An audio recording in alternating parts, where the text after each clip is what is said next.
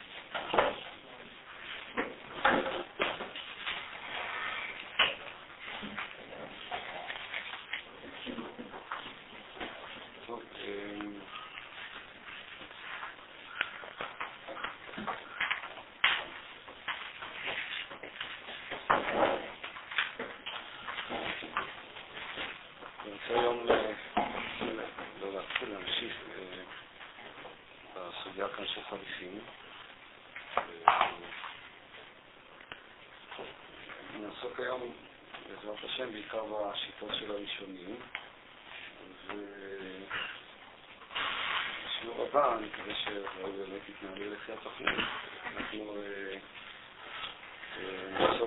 הרמב"ם גם ביחס לחליפין, אבל זו הזדמנות כבר להתחיל לגעת בכלל בשיטת הרמב"ם כאן, שבאמת בנושא של קידושי כסף, ששיטה, יש ייחודית, יש בה הרבה חידושים משלה.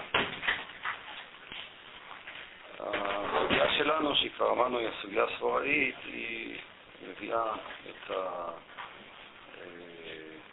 נשאלת עניין דרישא למימותי מים, עניין הדסעיפא למימותי מים, היא מסיקה ש...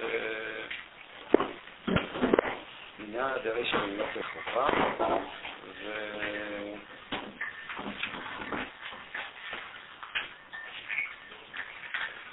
אחר כך היא שואלת רב הונא, המסקנה שלה של למימותי חליפין. סלקא דעתך אמינא הואיל וגמר כיחה כיחה משדה חול אשר דמיקניה אף אישנה ממיקניה בחליפין, כמה השמלה. אם כן, הפרעה של הגמרא, ש...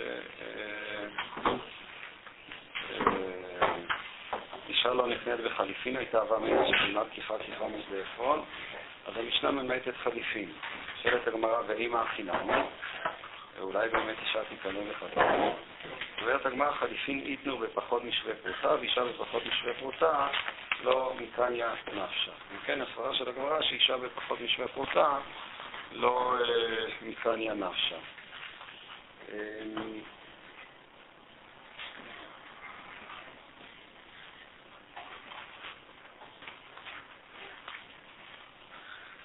השאלה שאנחנו צריכים לשאול את עצמנו, כיוון שזאת סוגיה אה, מאיפה היא למדה את הסברה שלה ומה היא נחזה? המקור הנוסף, כפי שכבר הזכרנו ביחס לחליפין, הוא מתנה על מנת להחזיר, בדבר עמוד ב', שם אה, רש"י אומר שאישה לא נקנית במתנה על מנת להחזיר, והסיבה היא, אה, לפי שאין אישה נקנית בחליפין. זה הנימוק. כלומר, מתנה על מנת להחזיר היא דומה לחליפין. הראשונים, אה, אבל מבחינה זאת, דווקא הדבר הזה יוצר קשיים. משום שאם באמת הנימוק הוא של חליפין שיש לו לפחות משווה פרוטה, השאלה למה הדבר הזה מתקף גם ביחס למתנה על מנת להחזיר. מתנה על מנת להחזיר דינה ככסף, היא צריכה להיות דווקא בשווה פרוטה. הראשונים באמת גרסו אה, אחרת, הראשונים גרסו שלא שמתנה על מנת להחזיר דבר נשאר לפי שאין אישה נקנית בחליפין, אותו סוף הביאו את הגרסה הזאת, אלא זאת גזרה משום חליפין.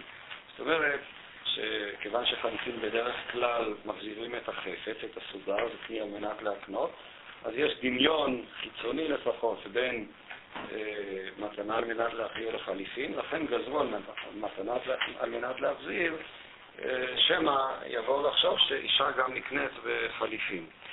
אם כן, בכל מקרה, הסוגיה שם של רב אשי, הדברים של רב אשי לא יכולים להוות מקור לסברה כאן של החליפין, אה, ואז השאלה היא, מאיפה, מה המקור של הסברה, גם אפילו הייתי אומר הסמנטיקה של אישה מקניה, מקניה נפשה וכן הלאה, אה, אבל בזה לא נעסוק כרגע, אחרי שנסגור בעזרת השם את המעגל של הראשונים, אז אה, ננסה לחזור, ננסה לחזור לדברים גם מהנקודה הזאת. אז עכשיו אני באמת אפתח בדברים של הראשונים. ננסה ללמוד אותם, לראות מה השיטות הללו אומרות וגם לראות מה זה אומר לנו מבחינת ההבנה של הקידושים. הראשונים למעשה העלו כאן ארבע בעיות בהסבר הזה של החליפים. הבעיה הראשונה שהעלו הראשונים, שבפשטות הנימוק הוא שאישה אישה בפחות משווה פרוטה לא מקניה נפשה. כלומר, אישה לא מוכנה להקנות את עצמה בפחות משווה פרוטה, והסבר, נאמר, המתבקש, הדבר הזה באמת תלוי ברצון שלה, כפי שרש"י כאן אומר, גנאי עולה. זאת אומרת, אישה לא מוכנה בפחות משווה פרוטה, שאיננו נחשב ככסף, סכום כל כך חסר משמעות, היא לא מוכנה להקנות את עצמה. כך נאמר, אם אנחנו קוראים את הסוגיה, כך נראה לפי ראיית הסוגיה. אבל אז שאלו הראשונים, ראשית, כפי שהגמרא לקמן בדף י"א עמוד א' אומרת, לשיטת בית שמאי, בדינה ושווה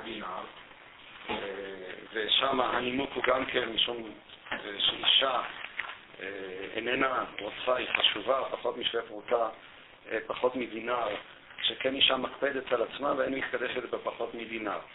אבל זה שואלת שם הגמרא, אם פשטה ידה וקיבלה. אוקיי, אישה חשובה, אישה רגילה ודאי תרצה שהבעל שלה יקנה לה טבעת זהב, ולא יקנה לה איזה טבעת פח של ילדים שהיא שווה פרוטה או משהו כזה. אבל אם האישה הזאת פשטה ידה וקיבלה, מוכנה להתקדש, אז uh, הקידושים יחולו במה שהיא רוצה להתקדש. שואלים uh, הראשונים, כשם ששם הגמרא שאלה על שיטת בית שמאי, מה יהיה הדין בפסטה, למה דווקא בדינר? אם היא אומרת, אוקיי, אני מוכנה למחול על כבודי ובלבד אה, שאתחתן עם הבן אדם הזה, אז למה שהקידושים הללו יתבטלו? זאת שאלה אחת של הראשונים.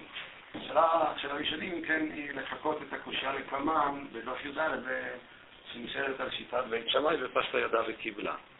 ואז הגמרא שם נאלצת להביא נימוק אחר של כל כסף שבתורה או כסף צורי, שזה בינה וכו'.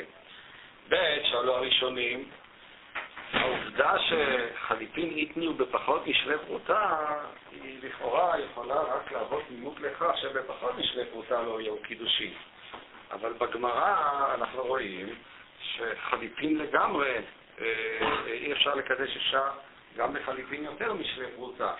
אם כן, שאלו הראשונים, ביותר משווה פרוטה למה אישה לא תתקדש. מה בכך שהחליפין ייתנו בפחות משווה פרוטה? בסדר, אז פחות משווה פרוטה היא לא תתקדש, זה גנאי לה. אבל אם הוא נותן לה טבעת זהב יקרה, אבל הוא מקנה לה את הטבעת הזאת לחליפין, אומר לה, כן, בעצם ההבדל כאן בין שווה כסף לחליפין הוא רק הבדל סמנטי. הוא יכול לקחת את אותו חפץ, ובמקום לקדש אותה בחליפין, לומר, אני מקדש אותך אה, בכסף, בכמה שהדבר הזה שווה. אז במקרה כזה הקידושים יחולו, שאנחנו כבר למדנו במשנה שבית הלל אומרים בפרוטה ובשווה פרוטה. אז עקרונית, הוא יכול, לא רק שהוא יכול, אבל זה גם הרקע של הדיון. למעשה, כפי שהזכרנו, בדרך כלל כבר בתקופת המשנה לא קידשו בכסף, אלא קידשו בחפצים, כמו שאתה רואה כמה וכמה דוגמאות במשניות ובתוספתא שקידשו בחפצים, בכל מיני אה, אה, חפצים. אם כן, כל ההבדל יהיה אם כן, אה, מה הוא יגיד לה, איזה ניסוח הוא יאמר לה. אם הוא יאמר שאני מקדש אותך בטבעת הזה, בטבעת הזאת, כמו שאנחנו נוהגים, וכוונתו לקדש אותה בקידושי כסף, אז במקרה כזה בשווי של הטבעת הזה קידושים יחולו. אבל אם הוא יאמר, אני עכשיו עושה כאן קניין חליפין בטבעת הזאת, אז במקרה כזה הקידושים יתבטלו. הנימוק של גמרא אומר, מה? צריכי שומה או לא צריכי, זה כבר כולל בשאלה, כן. כן, זה תלוי בשאלה אם באמת תושבי כסף צריכי שומה או לא, זה תלוי בשיטת רבי יוסי. זה למעשה, כאילו, בהפתעה, שהחליפינים מחזירה לו את זה, חוץ מזה שזה מטרה על מנת להחזיר, זה עושה פה משהו אחר, זה לא באמת... זה אנחנו אה, אה, נראה בהמשך. בכל מקרה, לשיטת רוב הראשונים, גם חלופים כאלה שהוא לא חייב להחזיר, חייב להחזיר, גם אם הוא לא אומר למפורש שזה קנייה על מנת להקנות, אלא באמת אה, כוונתו שהחפץ הזה יישאר בידה. לדעת רוב הראשונים, כל שיטת אותו ספוטריק שהבאתי כאן להלן כנראה בנדרים סובר כמוהו, אז גם אם אה, הוא לא בא ונותן לה את החפץ הזה מתוך כוונה שהיא תחזיר לו, אולי אפילו אומר למפורש שאני מקדש אותו לחלוטין, אני תשיב את החפץ אצלך, בכל מקרה יכולה לתפוס אותו. גם, רוב הראשונים סוברים שגם במקרה כזה לא יחולו הקידושים. אז זהו ההבדל הסמנטי, מה הוא אומר לה? קניין חליפין או קניין כסף? אז שאלו הראשונים, טוב, אז פחות בשביל פרוטה אני מבין שזה גנאי לה. אבל למה הנימוק הזה הוא אה, פוסל גם קידושים בחליפין שהם יותר משווה פרוטה.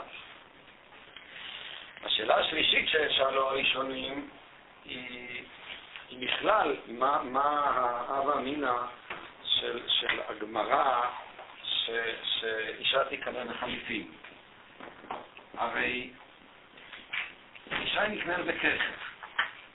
לא מצאנו שיש דיון לגבי אישה בשאר סוגי הקניינים. הדוגמה שהראשונים מביאים זאת הדוגמה של חזקה. אישה לא נקנית בחזקה. כנ"ל לגבי שטר, אז אנחנו צריכים, כדי ללמד אותנו שאישה נקנית בשטר, להביא פסוק מפורש, אה, כן, אה, ויצא והייתה, שאישה היא נקנית בשטר. זאת אומרת, אלמלא הפסוק, לא היינו באים ואומרים שכל קנייני השדה, ממילא הם גם אישה נקנית בהם. אין דבר כזה. מה שאנחנו לומדים משדה עפרון, וזה למעשה מכניס אותנו לקושייה הרביעית, אנחנו לומדים משדה עפרון רק שכסף קונה. הראשונים באו ואמרו, והדבר הזה יש לו באמת משמעות, אין כאן, הדין של התורה איננו שאישה היא דומה לשדה. שמה שקונה בשדה, קונה גם באישה. האישה היא לא שדה. כי כך, כשאנחנו אומרים שאישה נקנית בכסף, הכיחה שם היא בכלל לא מדובר, כן, נתתי כסף השדה כך ממנו, הפועל ייקח של הפסוק לא, לא מוסר על לקיחת השדה, כן, נתתי כסף השדה כך ממנו, ממני, אין הכוונה שהוא ייקח את השדה. הפועל הזה מוסר על לקיחת הכסף. זאת אומרת, אמרו הראשונים, שאני לא לומד, אין כאן איזושהי השוואה או לימוד שקנייני השדה קונים באישה. כל מה שאני לומד הוא רק שקניין הכסף קונה באישה.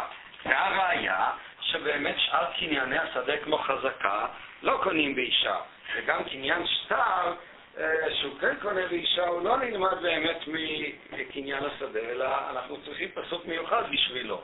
אם כן, שאלו הראשונים אה,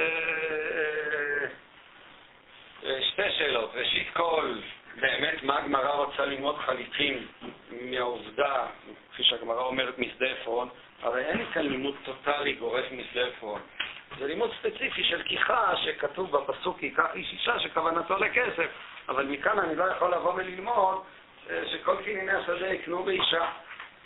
אז השאלה היא כפולה, כפי שאמרתי. השאלה היא גם כן, מה בכלל אהבה אמינא שאישה תקנא בחליפין? הרי אין לי מקור. ב', ואם האהבה אמינא הזאת מבוססת, כפי שהגמרא אומרת, על כך שאני לומד קנייני אישה מקנייני שדה, אומרים הראשונים, זה לא כך, אין לי מקור ללמוד קנייני אישה מקנייני שדה.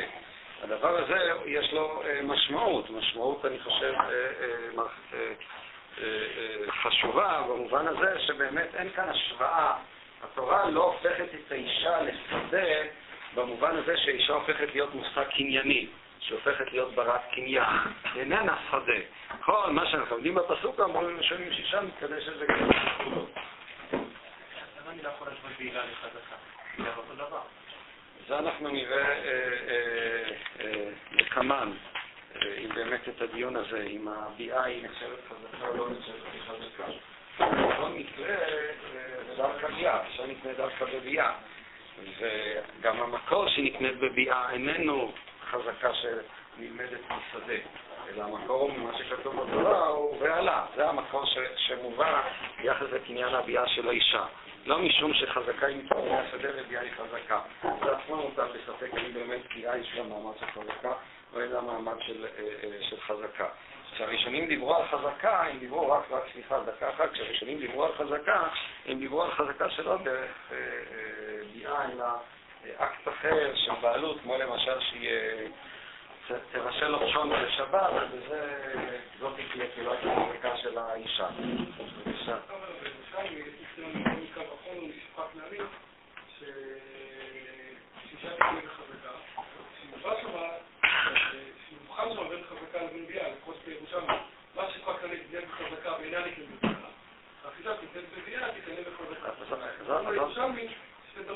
כן, זאת אחת הראיות שחזקה מביאה, שביאה איננה צורה של חזקה. אה, כן, זו אחת הראיות, וגם מהבבלי, כמה שאני זוכר, יש גם כן ראייה לעניין. אלה, אם כן, הבעיות שהראשונים כאן הציבו אה, בסוגיה. למעשה, אפשר, אה, כפי שאמרתי, לחלק אותם לשניים. השאלה האחת היא, עצם ההווה אמינא שאישה תיכנס בחליפין, משום שהראשונים באים ואומרים, אין לי השוואה גורפת בין קנייני אישה לבין קנייני שדה, האישה איננו שדה של בעל, אין כאן מקור בתורה שהופכת, שמגדירה את האישה, כפי שאמרתי, אה, כמושג קנייני שהקניינים תופסים לגביה. ב', השאלה השנייה היא, בשלופם של דברים, למה הנימוק שחליפין אילנו ושווה פרוטה, הנימוק הזה פוסל את הקניין הזה לגמרי, גם ליותר משווה פרוטה וגם לפשטה אה, אה, ידה. זאת בעצם השאלה, השאלות שהראשונים אמרו כאן, ומנסה לעבור כאן על, ה... אה, על השיטות. למעשה הבסיס של השיטות הראשונים שבהם אנחנו אה, אה, עוסקים כאן היא שיטת רבנו תם בתוספות, וסביב השיטה הזאת יש כאן וריאציות שונות וניואנסים שונים שכמובן יש להם משמעות, אבל אה, כלומר בניגוד לשיטת רש"י שאומר שהסיבה היא משום שזה גנאי לאישה, אז יש לי כאן את שיטת רבנו תם, אני אעסוק באמת את שיטת רבנו תם כפי שהיא מופיעה בראשונים, ברמ, ברמב"ן, בריחווה, ברשב"א וכן הלאה. אה, אחר כך ננסה, אה, אני היום מתחיל הפוך, לא מתחיל מתוך הגמרא, אלא מתחיל בראשונים, ואחר כך ננסה לראות אה, איזה קריאה זה מאפשר לנו בגמרא עצמה. העיקרון של רבנו תם הוא שלמעשה ההווה אמינא שחליפין, שאישה תיכנס לחליפין, ההווה אמינא הזאת נובעת משום שגם חליפין הם קניין כסף, וזה למעשה ציר הדיון של הגמרא. ציר הדיון של הגמרא הוא בשאלה, זו שאלה שהיא נוגעת לאו דווקא לאישה, היא שאלה שנוגעת לחליפין בכלל, האם חליפין הם בכלל קניין כסף או לא. זה ברור שאין לי לימוד שמשווה את קנייני האישה לקנייני השדה. כל מה שאני לומד מהפסוק זה רק שכסף קונה באישה. הדיון של הגמרא הוא בשאלה האם באמת חליפין הם חלק מקניין הכסף. זאת השאלה של הגמרא, ועל זה אומרת הגמרא, לפי שיטתו של רבנו תם, כיוון שחליפין איתנו בפחות משווה פרוטה, כלומר, כיוון שאני רואה שחליפין קונים גם בפחות משווה פרוטה, ממילא אי אפשר לבוא ולטעון, אי אפשר לבוא ולומר שחליפין הם איזה סוג של קניין כסף, או הריטווה משתמש באיזה לשון של תולדה, או משהו כזה, כאילו זה ממשפחת הכסף. הסיבה, משום שפחות משווה פרוטה איננו כסף. אם כן, חליפין הם כבר איזה קניין עצמאי, קניין שעומד בפני עצמו, כיוון שכך הוא לא קונה באישה. זה פחות או יותר הדגם של אה, אה, רבנו תם. כבר אני אקדים ואומר דבר שהוא מאוד אה, קשה מבחינת ההסבר של הגמרא, שאלה שהרשב"א אה, שואל על ההסבר הזה של רבנו תם, ולמעשה הוא גם על שיטת הרמב"ן והרידווה שהולכים בכיוון הזה, הרשב"א מחדש לכם שיטה משלו. הסיפא של המשפט, אישה חליפין איתו פחות משווה פרוטה. לכאורה, זהו הנימוק, לפי שיטת רבנו תם, הדיון של הגמרא הייתה מסדה מקניה וחליפין, הכוונה היא שדה עפרון שנקנה בכסף, אף אישה מקניה בחליפין משום שהם למעשה קניין כסף. ועל זה אומרת הגמרא, לא, חליפין ניתנו פחות משווה כיוון שכך חליפין אינם בכלל כסף. השאלה היא איך נסביר את הסיפא ואישה בפחות משווה פרוטה לא מקניה, לא מקניה נפשה. מה זה מוסיף?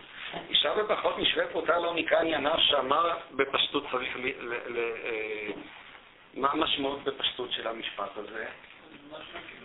משהו ברצון האישה. האישה היא לא מקניה נפשה, ודאי שאם אני גורס נפשה, בכל מקרה, אה, כפי שאומר יונתן, זה אומר שאישה בקידושין לא יכולה להתקדש בפחות משווה פרוטה.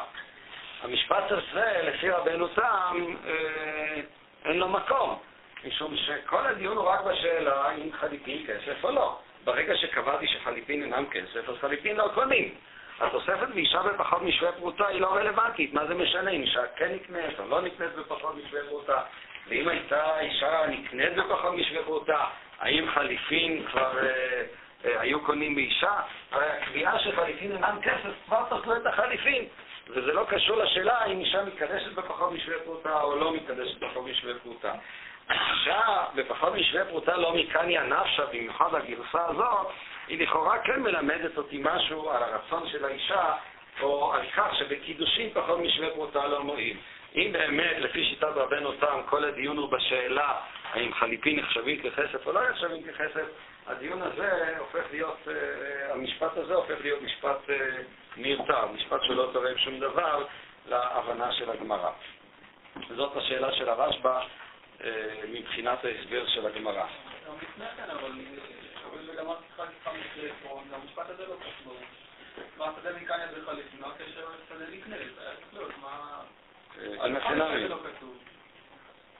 אני מסכים איתך, כבר בהתחלה, זה כבר, אבל זה כבר... זה כבר התוספות עצמם העירו, לא? והפשיטא דלא גמרינן כי חל לעשות אישה ככל קנייני שדה, ולאחר מבאי לקמן, ואחרי קירושו. ואם החינן, אז זה באמת מסביר את, ה, את, ה, את, ה, את הסיפא. הכוונה היא, לפי רבן, אני מסכים איתך, כיוון שבגמרא לכאורה כן ההשוואה היא בין שדה לבין אישה. הואיל וגמר כי חג אחד משדה עפרון, מהשדה מקנא וחליפין, אז אישה נעמה מקנא וחליפין. לפי שיטתו של רבנו תם, צריך להסביר מה שדה מקנא וחליפין, משום שהחליפין הם קניין כסף, אף אישה נעמי, או משהו כזה, אבל זה כמובן קשה, משום שלכאורה הלימוד הוא מעצם העובדה שחליפין נקנאים בשדה. אני מסכים איתך. אם כן, מה, מה כאן אמרו? אולי נתחיל בדברי הרמב"ן. מי שיש לפניו את הרמב"ן או את הדפים, אז נראה בפנים. אני רוצה בעזרתכם קצת לעבור כאן על הרמב"ן, על הריצווה. נראה בעצם, אה, ננסה ללמוד קצת הראשונים, ואחר כך נראה מה זה אומר מבחינת הגמרא. השאלה היא באמת, אני מתכוון לומר, שאלה באמת, אה, אולי, אולי רגע לפני הרמב"ן, מה אתם הייתם אומרים? האם באמת, למה באמת אישה לא נקנית לחליפין? באופן, אה, הייתי אומר, ראשוני, אינטואיטיבי. הרי צריך לזכור שקניין חליפין, כפי שהזכרתי, היה באמת הקניין הנפוץ ביותר. הוא גם הקניין הכללי ביותר. הוא הקניין שלמעשה לבצע בו אה, עסקאות רחבות, את העסקאות הרחבות ביותר. ובכל זאת אני רואה שהקניין הזה נפסל ל... לאישה. זה היה הקניין. בדרך כלל עשו קניינים בקניין סודר, הוא גם הקניין הזמין ביותר. מוצאים את הכלל של קונה, מקנה, זה מחלוקת להלכה הקונה, אז מוצאים מטפחת מהכיס הקונה, נותן אותה למוכר, מגדיר אותה ועשו את הקניין. זה היה הקניין הרגיל, השכיח, סתם קניין שנזכר בגמרא, וכאן הוא מיני זה קניין סודר, משום שכפי שאמרתי, זה המונח הרגיל. והנה כאן אנחנו רואים שהחליפין הם לא קונים באישה. מה, מה באמת הסיבה? איך היינו... אה, למה חליפין לא קונים באישה? באופן... מה? נו, אז למה... מה? למה כסף? למה כסף כן? חליפין כאילו אתה עובר מעליה, אתה כאילו... למה? וחליפין היא גם כן מקבלת את הסודר. כסף אולי לא שלו. עכשיו תראה כסף גם שהיא לא תקבל כלום, זאת הבעיה. מה? ראינו מקרים... אוקיי, אז היא לא תקבל כלום, אז מה יש? מה בכך? לא. מה מבחינה... כסף אמיתי. לכאורה לכסף יש ערך אמיתי, יכול להיות כל דבר, זה משהו מאוד אובייקטיבי, מאוד... לא, אם אתה מנסה לעשות סדר, אז אתה לא עושה סדר באמירות אמורפיות, אלא אתה בא להגיד. בדיוק ההפך. אבל הערך של הכסף... הייתי אומר, לפחות בנקודת מבט של אנשים של היום, אז כסף אולי קניין יותר גרוע, משום שהוא כאילו נותן לה משהו שתמורה, תמורת הערך שלה, ואישה היא ודאי לא... ברגע שאתה מבקש בפרוטה, זה בטוח לא הערך. אה? זה בטוח לא הערך שלה, אבל זה משהו שהוא לכאורה אמיתי. אז אם ככה גם כן. אתה לא יכול לאחוז את החבל בשני קצותיו. להגדיר את זה כאמיתי ולהגדיר את זה מצד שני כסיבה. ברור שכבר השווה פרוטה, לא, לא, זה שהוא נותן שווה פרוטה זה גם כן כבר לא מסמן תמורה אמיתית. שום אישה לא תגדיר את עצמה כשווה פרוטה או משהו כזה. זאת אומרת, כבר מבחינה זאת, ברור שזה לא נתפס כתשלום ממשי תמורת האישה.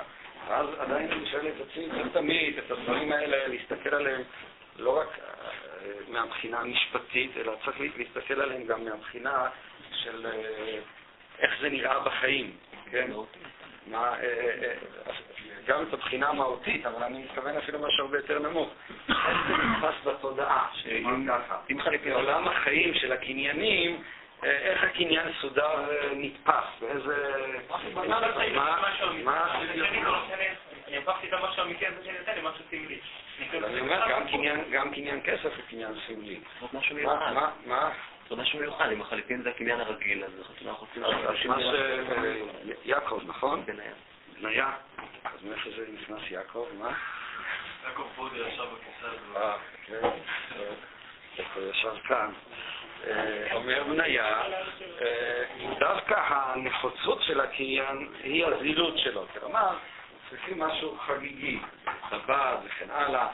לעומת זאת, זה הקניין הרגיל, כל אחד שהולך וקונה, מוציא מטפחת קונה, ואז זה, זה כבר מתקשר ל...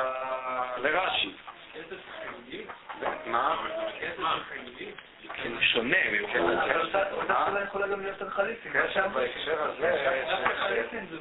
יש את ה... באמת היה חגיגה, ובקשר של קניין שדה, כשלמדנו קניין חליפין, אז ראינו שבאמת היו עושים איזה טקס, היו עושים איזה חגיגה שלמה, כשהיו... אני מסכים איתך שהפסוק שם שזה שלח איש נעלו, שכתוב, שם באמת טקס הרבה יותר גבוה. אבל אנחנו כבר עוסקים בקניין סודר, שהוא כבר גם לא היה נעל וכן הלאה, ואז זה בעצם למעשה מה שרש"י אומר, שגנאי לאישה. כשהוא אומר שזה גנאי לאישה, אז מיד התוספות שאלו, טוב, אז אישה יש אישה שרוצה להתבזות, אבל גנאי לאישה זה באמת בגלל שהאישה לא רוצה להתקדש בזה? איך הייתם מסבירים? מה? זה לא מצליח לפעול את הקידושים, כאילו, זה לא... זה מה שאמרת בהתחלה, מה? צורת הקניין מידע ערך של הקניין עצמו, כשאתה קונה משהו בכסף, אז הכסף מעיד על המשמעות שאתה רוצה. זה מה שחליתם, זה בדיוק הזילות הזאת, שאתה מתייחס לקניין עצמו כמשהו שהוא פשוט. כלומר, בעצם זה קניין, הגנאי כאן הוא מצד הזולות של הקניין. דווקא העובדה שהקניין הזה, על כל עסקה מסחרית, על כל דבר שהוא, על כל התחייבות, מיד הוציאו את המתחת מהכיס. זה המושג של גניינה, וזה ודאי גם כוונת רש"י. הבעיה איננה הבעיה האישית של האישה, אלא הבעיה היא עצם הזילות של הקניין. כיוון שאיסם בפחות משווה פרוטה, כיוון שהקניין הזה לכשעצמו קניין זול, הוא קניין זמין, אז גם אם הוא ייתן לה איזה, יעשה קניין חליפין מאוד יקר, יכתוב לה ככה, ייתן לה איזה פס של זהב ובאמצעותו יעשה את החליפין וכן הלאה, עדיין הדבר הזה לא מבטל את הזולות של הקניין, ואישה בפחות משווה פרוטה לא מקניה, בפרט אם, אם, אם, אם נגדיר את מקניה, אישה היא לא נקנית בקניין זול. בעצם מהבחינה הזאת, מה שאני אומר עכשיו, זה ההסבר במובן מסוים הכי פחות מהותני, אבל יחד עם זה, כפי שנראה למשל זאתי מעשה שיטת הרשב"א. זאת אומרת, עצם העובדה שהקניין הזה ישנו בפחות משווה פרוטה, הוא מראה על הזולות של הקניין, וזה עצמו, אומר הרשב"א, גורם לכך שאני לא אוכל ללמוד באמת את קניין החליפין, להשוות אותו לקניין הכסף וללמוד אותו משאר, משאר הקניינים.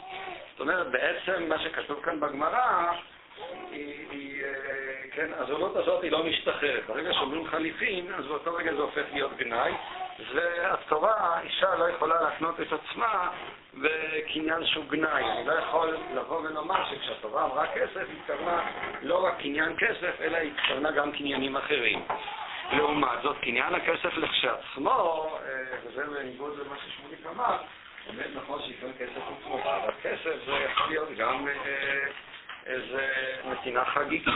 כפי שאמרתי, שהדבר הזה לא נעשה אה, אה, בדרך כלל בכסף. זה לא שאדם אה, הוציא דולרים מהכיס ונתן לאישה, אלא הוא נתן לה חפץ, חפץ יפה, בעל ערך, טבעת, זה כבר מנהג אה, קדום, עוד מזמן הגרמנים או משהו כזה, ואז במקרה כזה הכסף הוא קונה.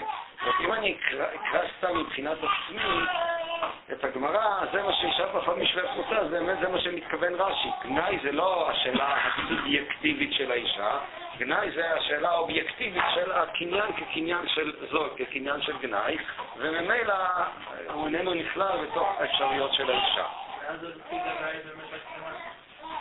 ואז הבעיה היא באמת תהיה בשאלה, כן, בשאלה איך אתה משתמש, אם אתה בא ואומר, אה, אפילו מה שאתה אמרת, זה קניין מסחרי כזה, עצם זה, שאומר טוב בואי נעשה חליפין, עצם המסחריות של הקניין היא עצמה כבר פוסלת אותו אה, מהאישות.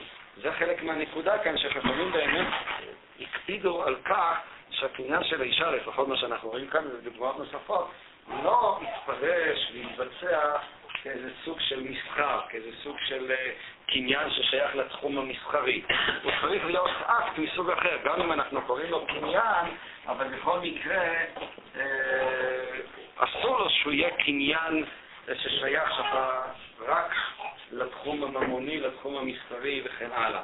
משום שהקידושין הם אינם בשורה האחרונה, הם אינם קניין. זה בעצם יכול להסביר לנו, אני חושב, טוב מאוד, כמו שאמרתי, מבחינת המקום בחיים, לא לוקחים את הספקולציות המסחריות ומעבירים אותן ישר לתחום של הקידושין. וכמה נראה, בסביבה הבאה שהדברים אינם כל כך אה, פשוטים. בבקשה. מה? אנחנו נזכיר גם את הסברה הזאת, אבל אני אחזור לדברים ש... למה זה לא לא מה? כאן? למה זה לא... למה- הסיבות. למה? אני אומר ש... לא. צריכה להיות מחווה אה, אה, של נתינה, כן? אני מביא לך מתנה, אני מביא לך חפץ. החפץ הזה, אה, כן, היום באמת, פעם גם לא היו נוהגים לתת צ'קים כמתנה. היו צריכים, להבין כל אחד עם סיר גדול כזה או משהו כזה, ראו בזה ביזיון לתת צ'ק. היום גם צ'ק נחשב כמתנה, אתה יכול ללכת לקנות מה שאתה רוצה בדבר הזה. החכמים באו וקבעו שכסף. מהו הכסף? הכסף המינימלי אה, זה שווה פרוטה. אמת נכון שבית שמאי באו ואמרו שגם שווה פרוטה אישה מקפדת, אה, לפי הסברה הראשונה שהגמרא דוחה אותה, קבעו את המינימום של מה נקרא כסף. המינימום הוא שווה פרוטה. נכון ששווה פרוטה זה לא מתנה מכובדת, אבל חכמים באו וקבעו שמה שנקרא כסף הוא מספיק. אנחנו לא הולכים ומודדים. כאן באמת הסכמת האישה לקבל את הדבר הזה היא כבר מספיקה. היא מוכנה להתכבש בשווה פרוטה. באמת אם אישה תהיה אישה נורמלית והוא יביא לה איזה דבר שהוא שווה פרוטה, ייתן לה אה, חמש אגורות, או ייתן לה איזה טבעת שהוא קנה אותה, טבעת פרטים או משהו כזה, יש להניח שאישה רגילה היא לא תתקדש בזה. אבל מבחינה, מבחינה נורמטיבית, ברגע שהדבר הזה מוגדר ככסף, באותו רגע הוא תקף לקידושים. אבל כפי שאמרתי, הראשונים שהלכו בשיטת רבנו תם, הם לא הלכו בשיטה הזאת. אני אקרא כרגע את הרמב"ן, אני אנסה לראות את הרמב"ן, אחר כך תריזה, ואני חושב שנכנסים כאן לדברים מאוד, אה, מאוד ככה, אה, מעניין שהם תפסו את זה. אז אני קורא כרגע את הרמב"ן ואנסה לראות בעזרתכם. ונראה דאחי כאמרינן מעיקרא, וחליפין בכלל, דאחי כאמרינן מעיקרא, ככה חשבנו לקרוא ברמב"ם באמצעו. דאחי כאמרינן מעיקרא דחליפין בכלל כי חיים, ומדין כסף הוא שריבה אותן הכתוב. מה כסף שמחליף הקרקע בו וקונה אף בחליפין. הלכך אף בכלל כי חשי בישיים. ומפרקינן, כיוון דאשכחן חליפין פחות משווה פרוטה, לאו בתורת כסף הם קונים, אפילו שיש בהם שווה פרוטה, אלא חידוש הוא שחידשה בהם תורה, כלומר דין אחר הוא שאינו בכלל כסף ולא שווה לה, ואישה לא אמרה בתורה קנייה אלא בכסף, לכך אין חליפין קונים בה. וזהו הטעם שלא צריכו למעט חזקה. אז איך הרמב"ן מסביר את ההווה אמינא של הגמרא? למה אישה, אה, למה, אה, אה, איזה הווה אמינא שיש שחליפין יקנו באישה? הרמב"ן אומר, במידה דעתי קמרינן מעיקר דחליפין בכלל כי חיים ומדין כסף הוא שריבה אותן הכתוב. מה כסף שמחליף הקרקע בו וקונה, אז זה חליפין. יכך אף בכלל כי חש שבאישה. מהי הפואנטה שהרמב"ן כאן שם כאן כמשקל? מה זה נקרא קניין כיחה? מה- מה הרמב"ן שם? הרמב"ן שם משקל, כפי שאתה שמת לב ובצדק, על המושג של הכיחה. אם כן, מה מוגדר כאן ככיחה? הוא אומר שכיוון שחליפין הם לא, שכיוון, כן, נראה שוב את, ה, את, ה, את, ה, את, הביטוי שלו, הוא אומר ככה, אה, מה הכסף שמחליף הקרקע בו וקונה אף בחליפין? יכך אף בכלל כיחה שבאישה הם. מה, איך אתם אה, מבינים את זה? מה הווה אמינא? זה באמת השאלה הכללית של כסף, אם הוא כסף או חליפין או לא, או שיש כאן איזה אה, משהו ספציפי יותר? מה, מה, על מה הוא שם כאן את הדגש בהווה אמינא? הלשון של הלקיחה, אישה לא הוגשה לשדה, כמו שהוא אמר קודם. אז הדיון הוא כאן אם זה בכלל כיחה שבאישה או לא. הרמב"ן לא פורש את זה כאיזה מין שאלה כללית, אם חליפין זה כסף או לא, אלא אם הוא בכלל כיחה שבשדה. ומה אם כן הנקודה, למה שזה יהיה בכלל כיחה שבשדה? זה הלשון של לקיחה. אז הוא, הוא אומר לך, מה הכסף, אה. מה אתה מתכוון לפעולה עצמה? אה, רגע, נקרא רק שנייה את הזהו, אה, את הלשון. כן, אז מה, מה הנקודה, כן? מה המשקל כאן? סביב איזה נקודה? התוצאה של הקניין. מהי הנקודה המרכזית, שכן, הוא משתמש במושג, במושג של כיחה. הוא אומר, ייתכן שחליפין יכולים לבצע את פעולת הכיחה, את הלשון של האחרונים, את המעשה הכיחה, כמו כסף. למה הם יכולים לבצע אותו כמו כסף? כי מה? ה-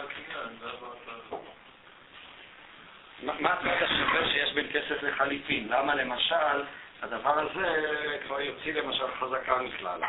חזקה היא, ודאי איננה כיחה. מה ההבדל? שהיא לא מעשה. אני נותן כסף, אני מקבל את השדה, אני נותן אה, משהו בתורת חליף, אני מקבל את השדה. זאת אומרת, זה... זה עובד באותה מה? צורה כמו שאני מחליף, מה הכסף שמחליף הקרקע בו וקונה, אז בחליף אני... כלומר, יש כאן, מה שהרמב"ן אומר, וזאת היא הנקודה, יש כאן אה, אה, מכניזם, לא הייתי אה, אבל מקביל בין הכסף לבין החליפין. המכניזם, המנגנון של החליפין, הוא דומה למנגנון של הכסף. באיזה מובן? אני נותן משהו, וזה כאילו איזה מין מנוף כזה, זה לא כמו פעולה, פעולה רגילה אחרת של קניין, אנחנו החלטנו, ועכשיו אנחנו עושים איזשהו מעשה שמבטא את ההחלטה שלנו להעביר את הבעלות אליך. אין כאן מנגנון שמעביר, אין כאן איזה מכניזם שכתוצאה ממנו, איזה, הייתי אומר, משווה את זה לאיזה מין אה, נדנדה כזאת. אני נותן לך את הכסף, אז זה מיד אה, אה, התמורה שקבענו עוברת אליי. יש מנגנון שבאמצעותו הדבר עובר אליי. המנגנון, אומר הרמב"ן, בהווה אמינא של הגמרא, של הכסף ושל החליפין הוא זה, זאת מנגנון ההחלפה. כשאני נותן לך דבר, אז אותו חפץ שקבענו שהוא יהיה התמורה, עובר אליי. זה לא ביטוי של הרצון והסכמה בינינו שאני אקנה את הדבר, אלא זה ביטוי של מנגנון שהעביר את הדבר אליי. שילמתי לך את התמורה, אז אותו דבר ששילמתי לך את תמורתו, הוא ממילא הופך להיות בבעלותי. ולכן, אבל זה העוקץ של הרמב"ן, לכן אומר הרמב"ן, יש לי כאן פעולה של כיחה. איך תתפרש בהקשר הזה פעולת הכיחה? אני חושב שאפשר להבין שהרמב"ן... למה הדבר הזה הוא פעולת כיחה וזה לא פעולת כיחה? מה מגדיר את זה ככיחה? אתה לוקח משהו. אתה לוקח משהו. אז מה כאן? מה? יש כאן מנגנון של לקיחה. אדם יכול לקחת באמצעות הידיים, כאן הלקיחה היא פעולה, פעולת הכסף והחליפין היא פעולה של לקיחה. דהיינו, אני לוקח את הדבר בכך שנתתי לך את התמורה שלו, שנתתי לך את החלופה שלו. זאת אומרת, מה שהרמב"ן, בלשון קצת יותר מופשטת, אומר, וזו הנקודה, הוא אומר, שזה לא סתם שאני דן כאן בשאלה אם חליפין הם כסף או לא, אלא יש בכסף, אה, כאן אנחנו צריכים את פעולת הלקיחה. ההווה אמינא של הגמרא, שכשם שכסף ממלא את פונקציית הלקיחה, ככה גם כן חליפין ממלאים את הפונקציית הלקיחה. זאת היא בעצם פונקציית הלקיחה. למה? משום שיש כאן מנגנון עצמאי שמעביר את הדבר לרשותי. העברת הדבר לרשותי איננה ההסכמה שבינינו, שבא לכלל ביטוי באיזה אקט, אלא העברת הדבר לרשותי מתבצעת בכך שאני שילמתי את הדבר, וממילא התמורה אה, אה, עוברת אליי. יש מנוף שמעביר את הדבר ברשותי. למה הרמב"ם לא שואל גם, הרמב"ן לא שואל גם את השאלה של השטר? אני חושב ש... ה... אבל השטר זה גם כן, השטר אין כאן פעולה של... זה לא מנגנון שמעביר לרשותי, לא נתתי לך תמורה במקרה של שטר. שטר הוא לא תמורה, שטר הוא בעצם הסכם, הסכם בכתב. זה לא הסכם, אנחנו- זה... זה לא משנה מה אנחנו כותבים פה, ברגע שהמוכר נותן לקונה את השטר, ביחד עם השטר הוא גם לוקח... כן, אבל זה לא נובע מצד העובדה שהשטר הוא מהווה תמורה, השטר הוא לא מהווה תמורה, השטר אה, הוא, יכול להיות שהנייר לא שווה פרוטה אפילו. זה הסכם בכתב, הסכם בכתב שמה שמחייב זה, אה, וזה גם כן תלוי בשאלה אם ידי חתימה קרתא, ידי מסירה קרתא, לא בהכרח... אה, החליפין אבל הם לא תמורה במובן הזה. החליפין הם לא משהו שמחליף את השדה. החליפין, ההווה אמינה של הגמרא הייתה שחליפין הם כן אה, אקט של החלפה, לא תמורה כספית, אבל החלפה של דבר בדבר. זאת אומרת, ההשוואה בין כסף לחליפין היא מבחינת פונקציית הכיחה שלהם, אם ננסח את זה בלשון מופשטת. מהו התירוץ של הגמרא לפי זה? התירוץ של הגמרא, אבל בהגדרה, חליפין חליפין הוא של הפרה וחמור, כן כך, הוא לא חליפין. אין, כן, בשלב הזה אנחנו עדיין לא מבחינים, ואנחנו תופסים גם את קניין הסודר כקניין של החלפה. זה בדיוק התירוץ של הגמרא. התירוץ של הגמרא לפי הרמב"ן חליפין איתנו בפחות משווה פרוטה. זאת אומרת, חליפינים קונים גם בפחות משווה פרוטה. אם כן, אי אפשר לבוא ולומר שיש כאן מנגנון, נאמר, של פתיחה או מנגנון של החלפה. חליפין הם אינם כסף, גם לא מבחינת פונקציית הלקיחה שלהם. מה שכתוב כאן בעצם שהקניין, לפי שיטת הרמב"ן, הופך להיות, הייתי אומר, איזה מעשה כיחה סימבולי. התורה משתמשת במושג של קניין הכסף כדי לבטא אקט של אה, כיחה. זה בעצם הנקודה. כשכתוב כי ייקח איש אישה, אין הכוונה שעכשיו לוקח אותה ואליו הביתה, מעביר אותה אליו הביתה, אלא ברגע שעושה איזו פעולה קניינית של כסף שהיא עצמה אה, אה, יכולה להיות מוגדרת כפעולת כיחה, הדבר הזה מועיל לדין של הלקיחה. חליפין, אומרת הגמרא, לא ממלא את פונקציית ה- ה- הכיחה. מה אם כן בכל זאת המנגנון של החליפין? האם החליפין הופכים להיות איזה אקט שהוא רק סמלי, כמו ש... אה, סימבולי, כמו שראינו שאחד מן הפוסקים הנוהרית משווה את החליפין לסיטונטה, ויש חליפין כמו שזה סיטונטה. מה זה סיטונטה? כל אקט שבני אדם נוהגים לבטא באמצעותו את גמירות דעתם ואת החלטתם שהקניין יתבצע, פה כבר נחשב כקניין. הבאתי את הדוגמה שתמיד מביאים אה, היהלומנים, שברגע שהם אומרים מזל טוב בזה הם סיימו את העסקה. אז מזל טוב זה קניין. אז כל מקום, כל מה? אני, אני אנסה באמת, אה, נזכיר אותו, מקווה שנגיע אליו. התשובה אה, היא לא כזאת, וכאן אנחנו נכנסים קצת למהות של הקניין סודר, והיא גם, אני חושב, תסביר לנו קצת יותר חזק כאן את הדברים של הגמרא. אה, את ההגדרה של קניין הסודר, לפי השיטה הזאת, שהיא גם שיטת הרידווה, והרידווה אה, במפורש מתייחס לסוגיה שלנו, הרידווה בדף כ"ב עמוד ב', שם הדיון לגבי עבד כנעני. מה?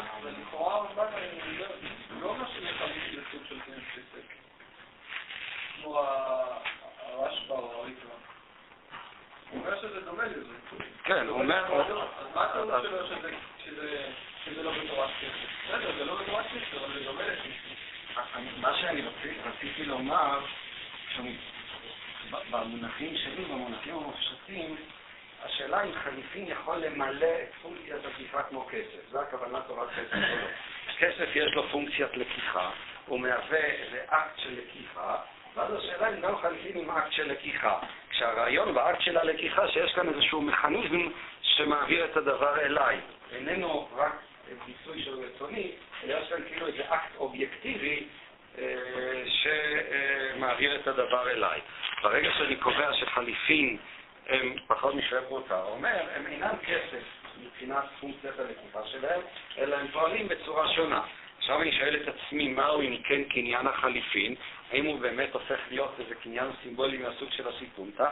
כאן אנחנו מגיעים לנקודה שהיא אה, לאט לאט אני חושב תהפוך ליותר מהותית כאן בנושא, אה, ואני רוצה להתחיל באמת ברידווה לקמן בדף כ"ב עמוד ב', שם הדיון הוא לגבי עבד, עבד כנעני.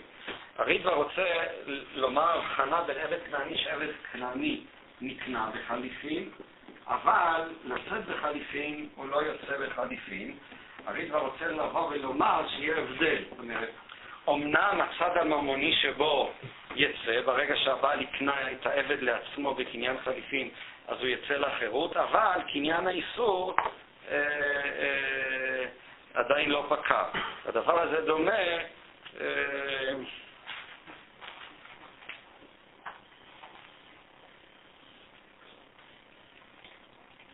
הוא אומר, אפשר לומר, בוודאי עבד קונה עצמו בחליפין לקניין ממון שבו, אבל לא לקניין איסור שבו.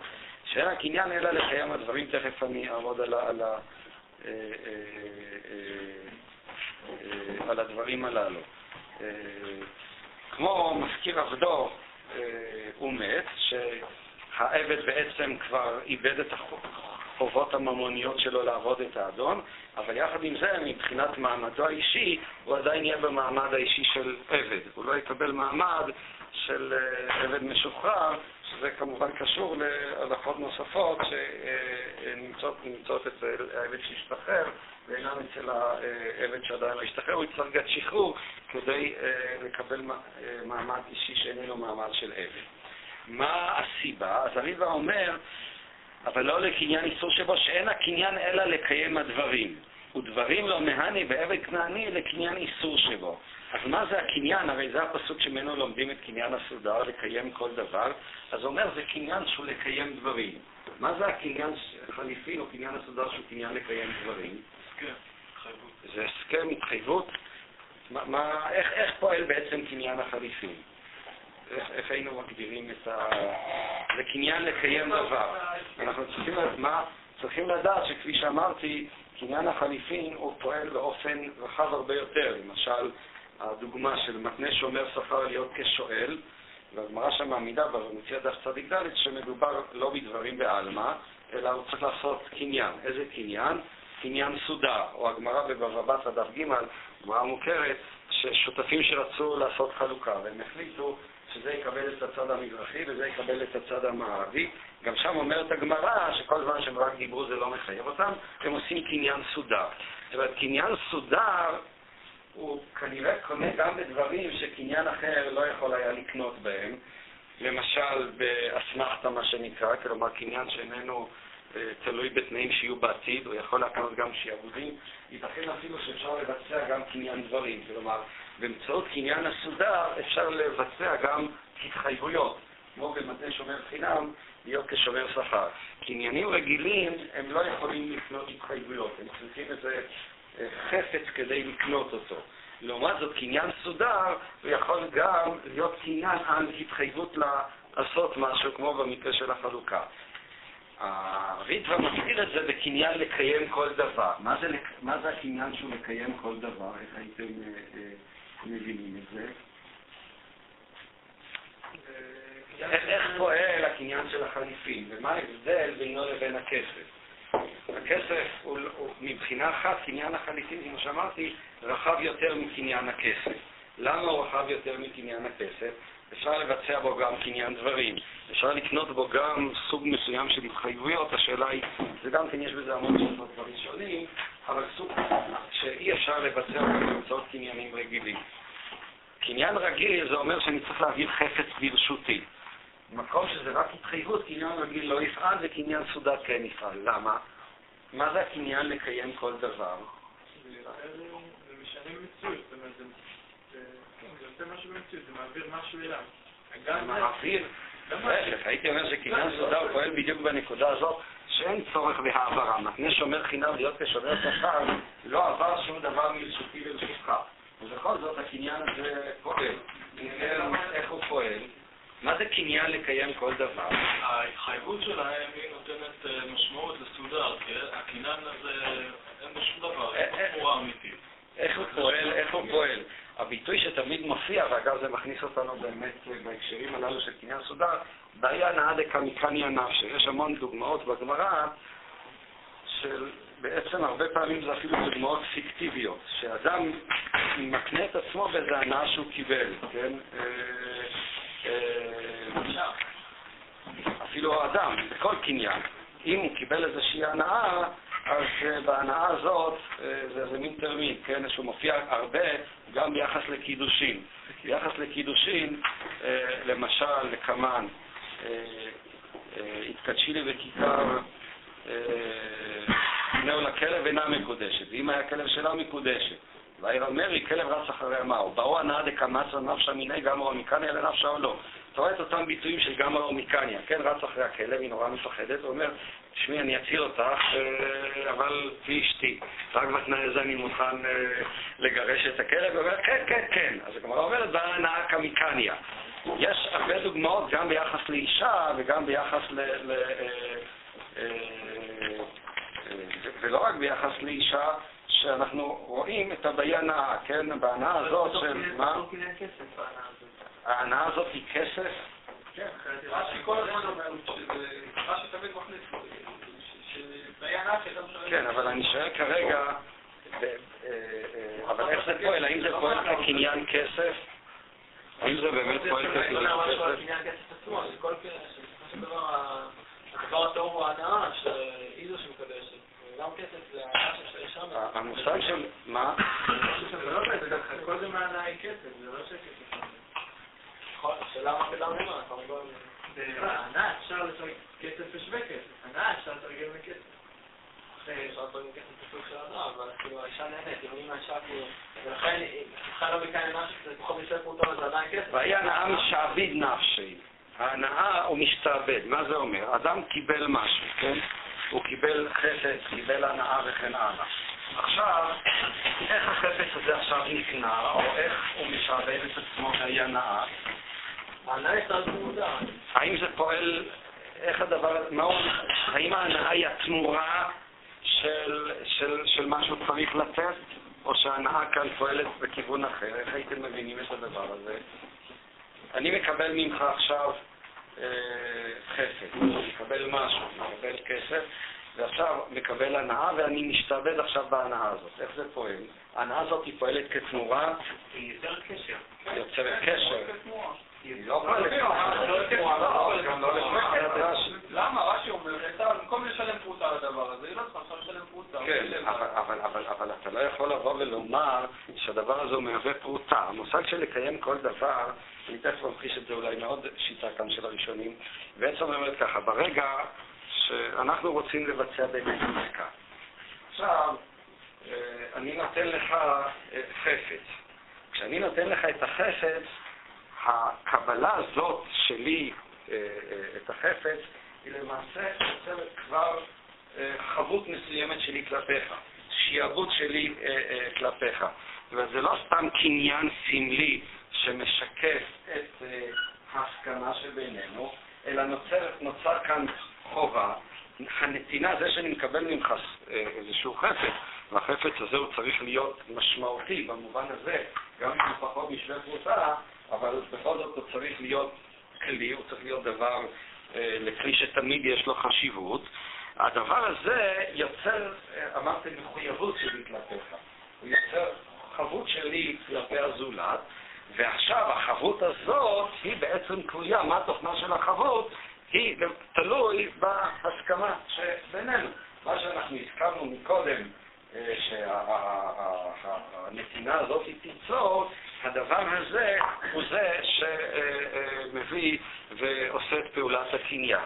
מה אני מתכוון לומר? בניגוד לתפיסה הרגילה של כסף שהוא תשלום תמורת הדבר, הרי למעשה בחליפין הדבר הוא לא פועל כתשלום תמורה. הנתינה, ברגע שאני מקבל ממך סכום, באותו רגע שקיבלתי סכום, אז באותו רגע אני כבר אה, נוצר שיעבוד, נוצרה חבות שלי כלפיך. החבות הזאת, עכשיו אני ממלא אותה בתוכן. היא ההסכמה שהייתה בינינו ביחס ל, ל, ל, אה, אה, לאותה עסקה, ובמקרה של הקניין, כיוון שאנחנו הסכמנו שבנתינה הזאת שאתה נותן לי, בקבלה הזאת שאני מקבל ממך, החפץ יועבר לרשותך, ממילא במקרה כזה, אז uh, החליפין uh, יקנו. זה המושג של לקיים כל דבר. לקיים כל דבר זה הופך את הדבר שלנו, זה מה שאומר הריטווה, הופך אותו כדבר קיים, כדבר מחייב. מה שאנחנו בינינו הסכמנו בדיבור, הקניין יוצר קיום של הדבר שבינינו, ולכן באמת אומר הריטווה, הדבר הזה הוא יכול לפעול רק במישור הממוני. הוא לא יכול לפעול במישור האיסורי. במישור האיסורי, אומר הריטווה, כאן אה, אה, צריך אה, כסף ממש, כאן צריך אה, אה, אה, שהוא יפדה, העבד יפדה את עצמו באמצעות הכסף.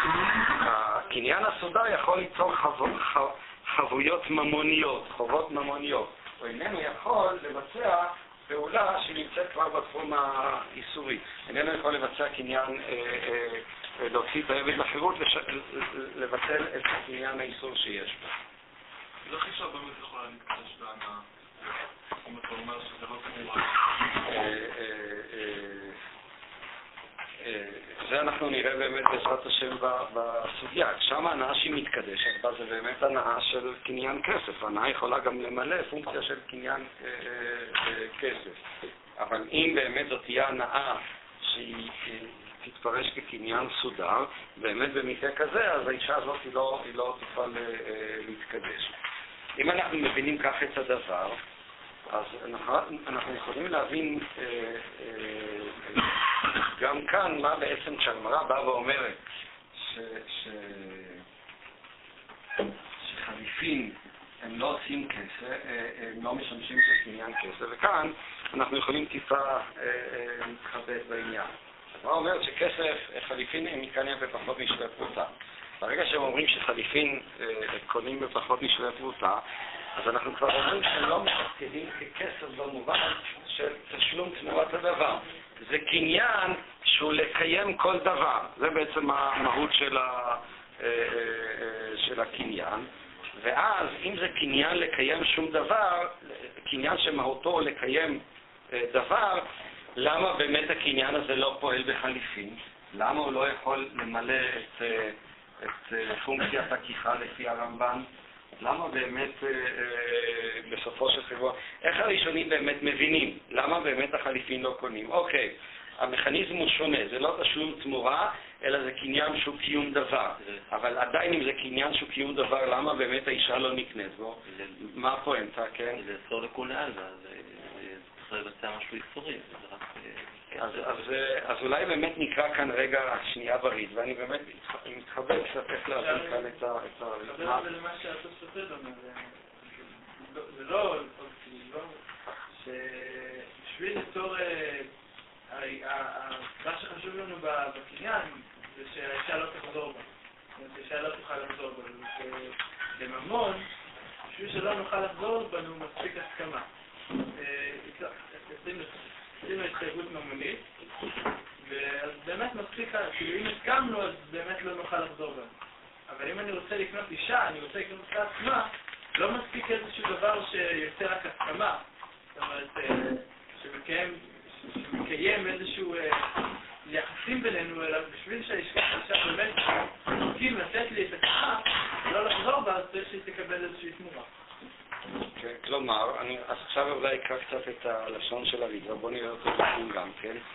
הבעיה שהרידווה אה, רוצה להתמודד איתה, בפסקה שאני רוצה לקרוא, הבעיה היא כזאת, הרמב"ן עצמו, כשהוא מביא את הפירוש הזה, הוא אומר שהוא לא יכול להתיישב לפי הגרסה של אישה בפחות משווה פרוטה לא מקניה נפשה.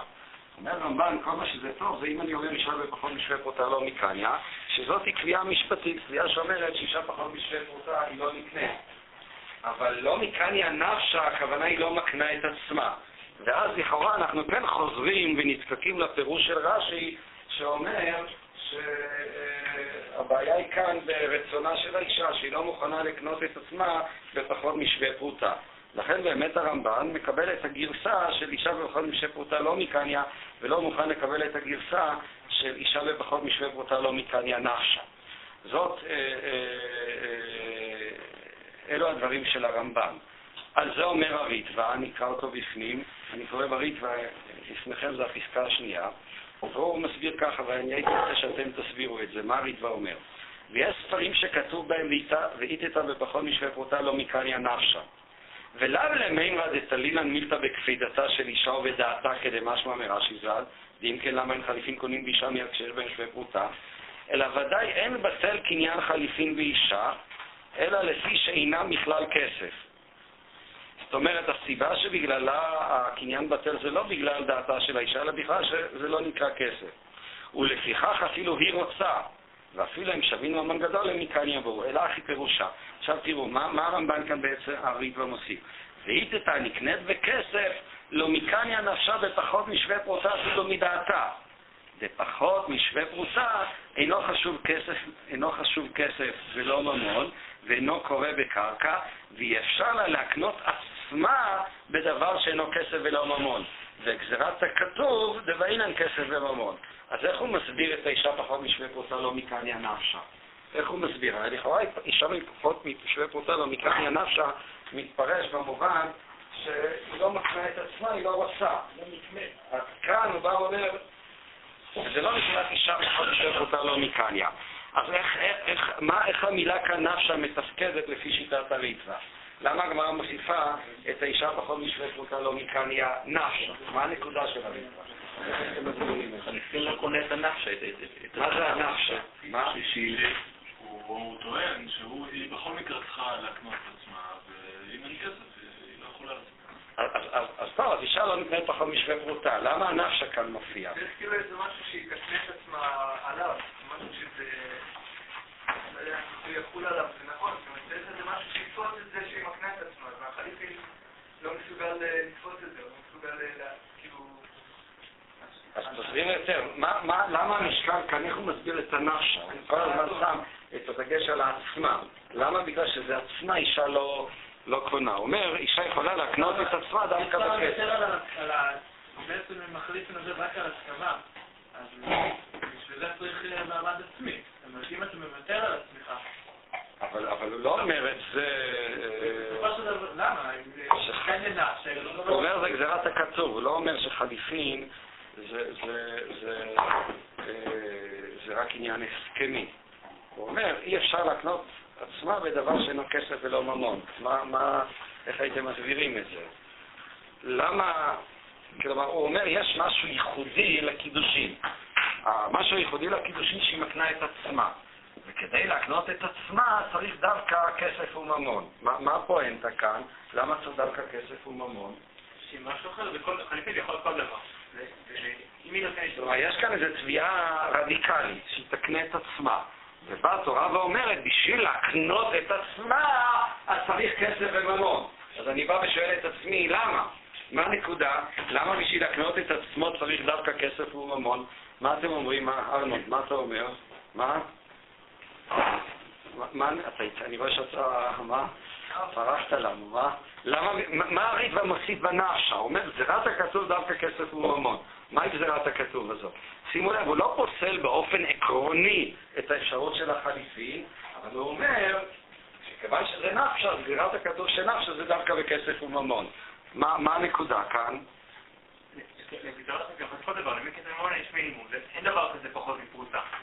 מה- העדיפות של כסף וממון על החליפין? שזה משהו. על הערך זה משהו,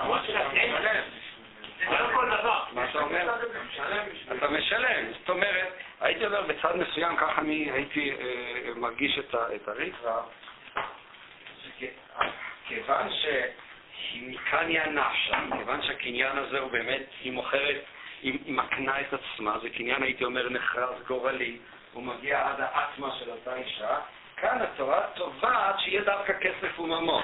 הכסף וממון, התביעה לכסף וממון, עקרונית הוא מוכן לקבל את זה שגם חליפים ימלאו את הפונקציה הזאת. אבל הוא אומר, כיוון שזה מקניה נפשה, התורה תובעת שיהיה כאן קניין, הקניין הרדיקלי ביותר, הקניין החריף ביותר. הייתי אומר, דווקא במובן מסוים, משום שכסף זה, הייתי אומר שזה הבעיה היא בחומרה של הקניין. זה צריך להיות כסף, אה, אה, קניין שהוא פועל, הייתי אומר, בצורה הכי חזקה, בצורה הכי... אה, אה, כן, כאן משלם תמורה. לשלם תמורה זה התחייבות בצורה, הייתי אומר, התשתיתית ביותר שלה. שילמת את הכסף, זה הופך להיות שלך.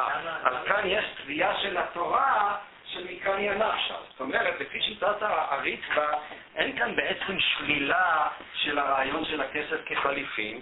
אני יכול עדיין לבוא ולומר שגם הכסף אה, אה, שגם החליפין היא איזושהי מין צורה של החלפה, במובן שדיברנו עליו מקודם, שאני נותן לשני חפץ ובכך אני יוצר חבות, והחבות הזאת היא זאת שמעבירה את הדבר אליי, משום שאנחנו הסכמנו שזה מה שזה יעשה, אבל בכל מקרה, וכאן אני חושב, אנחנו נוכל לענות גם על השאלה של הרידווה, של אישה בפחות משווה פרוטה לא מקניה נפשה.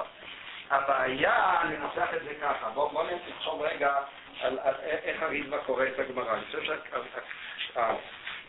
שהרידווה למעשה יקרא את הגמרא במין צורה כזאת. חליפין ייתנו בפחות משווה פרוטה, ואישה בפחות משווה פרוטה לא מקניה נפשה. אישה בפחות משווה פרוטה היא איננה יכולה להקנות את עצמה. למה? משום שכדי להקנות את עצמו צריך תשלום ממשי. אם זה לא תשלום ממשי, אז אין כאן קניין של, ה, של, ה, של, ה, של, של העצם, והסיבה שצריך את הקניין הממשי, אה, אה, אה, וזאתי הסיבה, אני חושב שזה גם התירוץ, שלמה הגמרא מוסיפה באישה ופחות משווה פרוטה לא מקניה נפשה לפי שיטת הריטווה, כדי לענות על הקושייה של הרשב"א. זה עצמו שהגעתי למסקנה שחליפין אינם דומים לכסף זה לא מספיק. משום שבכל זאת ייתכן שמבחינת הפונקציה שהכסף ממלא, גם החליפין היו יכולים אה, אה, אה, למלא. אבל התשובה היא, היא, היא דווקא תלויה בשווי או בערך. כיוון שזה פחות משווה פרוטה, אז בקניין כזה שהוא פחות משווה פרוטה, הוא לא פועל על העיקרון של התשלום, אז אישה לא יכולה להקנות את עצמה, אלא אם כן קיבלו תמורתה כסף. הפרדוקס כאן שיש בגמרא, וזה מה שאני כאן מאוד מרגיש, שדווקא. יש כאן נקודה מאוד עמוקה, והיא קצת תביא אותנו לשיטה של הרמב"ם. הראשונים כולם היה ברור להם שאישה איננה מושג קנייני. אישה איננה חפץ. האישות איננה דבר שאפשר, איננו דבר שכיר. ובכל זאת התורה באה והגדירה את הקידושין כקניין. למה התורה הפכה את הקידושין לקניין? איך הייתם מסבירים את זה? למה התורה לפי הראשונים? הרי בתודעה של הראשונים, וזה כבר בתודעה של הגמרא, קידושין זה לא קניין. במובן הפשוט. האישה היא לא שפחה, היא לא עבד, היא לא דבר שקונים אותו. למה בכל זאת התורה באה וקבעה שקדושים זה קניין? מה עשו ממשי? מה? שזה לא יהיה משהו נזיל. בצד מסוים, דווקא הגסות, הייתי אומר, של האקט של הקידושין, היא זאת שנותנת לו את האבסולוטיות שלו. אחת הנקודות המרכזיות שאנחנו רואים בכלל במושג של קידושין של אשת איש, שזה אקט אבסולוטי. זאת אומרת, אקט אבסולוטי במובן שחוץ מאשר באמצעות ספר הכריתות, באמצעות הגט, הוא לא הפיך, הוא לא נזיל. התורה רוצה מאוד להדגיש את האבסולוטיות של האקט הזה של הקידושים, ואת זה היא מדגישה דווקא בכסף, תכלס. אם ככה היה... אז אולי זה מה שקורה. הייתי אומר, הגסות, החומרנות של הקניין, היא זאת שהופכת אותו באופן פרדוקסלי לקניין המוחלט. כל זמן שזה הכל הסכמות בינינו, הסכמות רומנטיות אחרות וכן הלאה, ברגע שאתה שילמת כסף, באותו רגע האקט הזה הפך להיות אקט דווקא האקט המוחצן ביותר, אבל מצד שני האקט הנחרץ ביותר. העיקרון, כן, אם כן, שימו לב, מה שקורה כאן לפי דעתי בראשונים וכבר בגמרא, השאלה מהו הפשט של הגמרא, אבל יש כאן רצון, המגמה כאן היא דווקא רצון להדגיש, הוא אומר, גזירת הכתוב היא דווקא כסף או ממון, צריך כסף, כסף, אה, ביידיש אומרים גלד, צריך כסף, כשיש כסף זה רציני, כשאין כסף זה- רומנטיקה, והתורה הופכת את האקט למוחלט דווקא באמצעות הפיכתו לאקט שאולי מבחינת מסוימות הוא הכי חומרני, הכי לא רומנטי. זה בעצם, זה, זה אני חושב העומק של דברי הריטב"א, אני, אני רוצה כדי לשנות. אצל הרמב"ן זה יכול לבוא לכלל ביטוי בניסוח טיפה שונה. הרמב"ן יבוא ויאמר שרק כסף יכול למלא את פונקציית הכיחה. חליפין, גם אם זה אקט מחייב, אבל אין בחליפין את הפונקציה של הכיחה, וזה מה שמונח בדברי הגמרא, אישה בפחות מפשוטה לא תוקניה, הכוונה היא, אי אפשר לבצע פעולת כיחה בלי, בלי פרוטה. רק הפרוטה, שהיא התשלום של התמורה, יכולה לבצע את האקט של הכיחה. אצל הריטב"א, וזה בעצם מבחינה שורשית זה שייך לאותה נקודה עצמה. פעולת הכיחה צריכה להיות פעולה ממשית, היא לא יכולה להיות רק הסכמה בין השניים. דווקא העובדה שהתורה הופכת את הקידושים לאקט משפטי, זה מה שהופך אותם לאקט, מח... לאקט מחייב. וזה בולט מאוד אצל הרמב"ם שאנחנו נראה אותו בהמשך. זה לא אקט רומנטי, זה לא אקט הסכמי, זה לא זה שאתה מכניס אותו לעולם של הכסף, של המשפט וכן הלאה, זה מה שמעניק לו את הקשיחות שלו.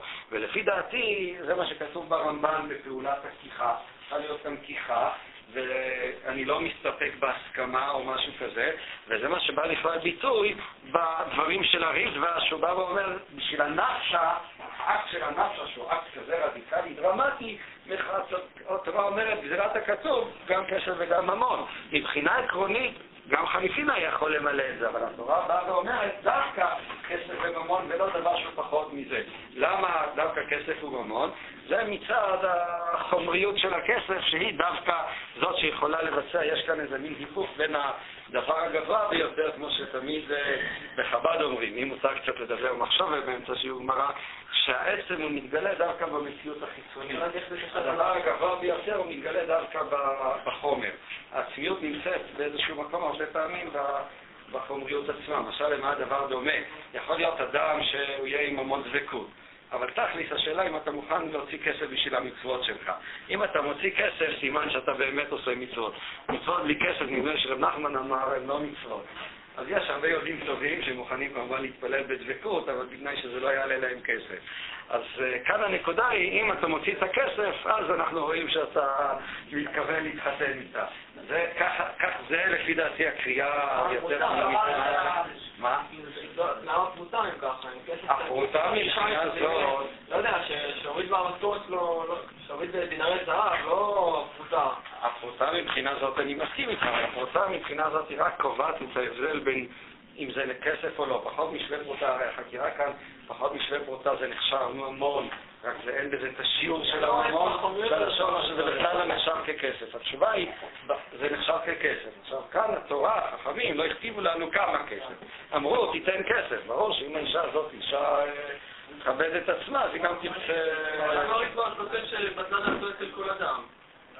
זה קשור בדעתה. הוא כאילו אומר...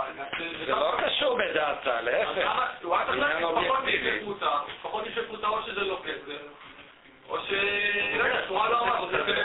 מה הקשר בדעת שזה בצד הזה אצל כל אדם? בצד הזה זה אומר שזה תלוי בדעת. אז פה אנחנו אומרים, למרות שהיא כן מסכימה, זה לא... אנחנו כאילו מחשיב, לא יודע, היא פשעה, אנחנו מסתכלים על הדעת הנורמלית. רגע, אתה לא מקשה את זה עליי. בהתחלה הוא אמר פחות משווה פרוטה זה לא כסף. אחר כך הוא שואל, ואף על גב דאיכא אם אשתך שבלי פחות משווה פרוטה, כסף או ממון. אז השאלה היא... אה, אולי נחשיב את זה ככסף. אולי, אולי דעתו תחשיב את זה ככסף. אז זה אומר בטלה דעתו אצל כל אדם.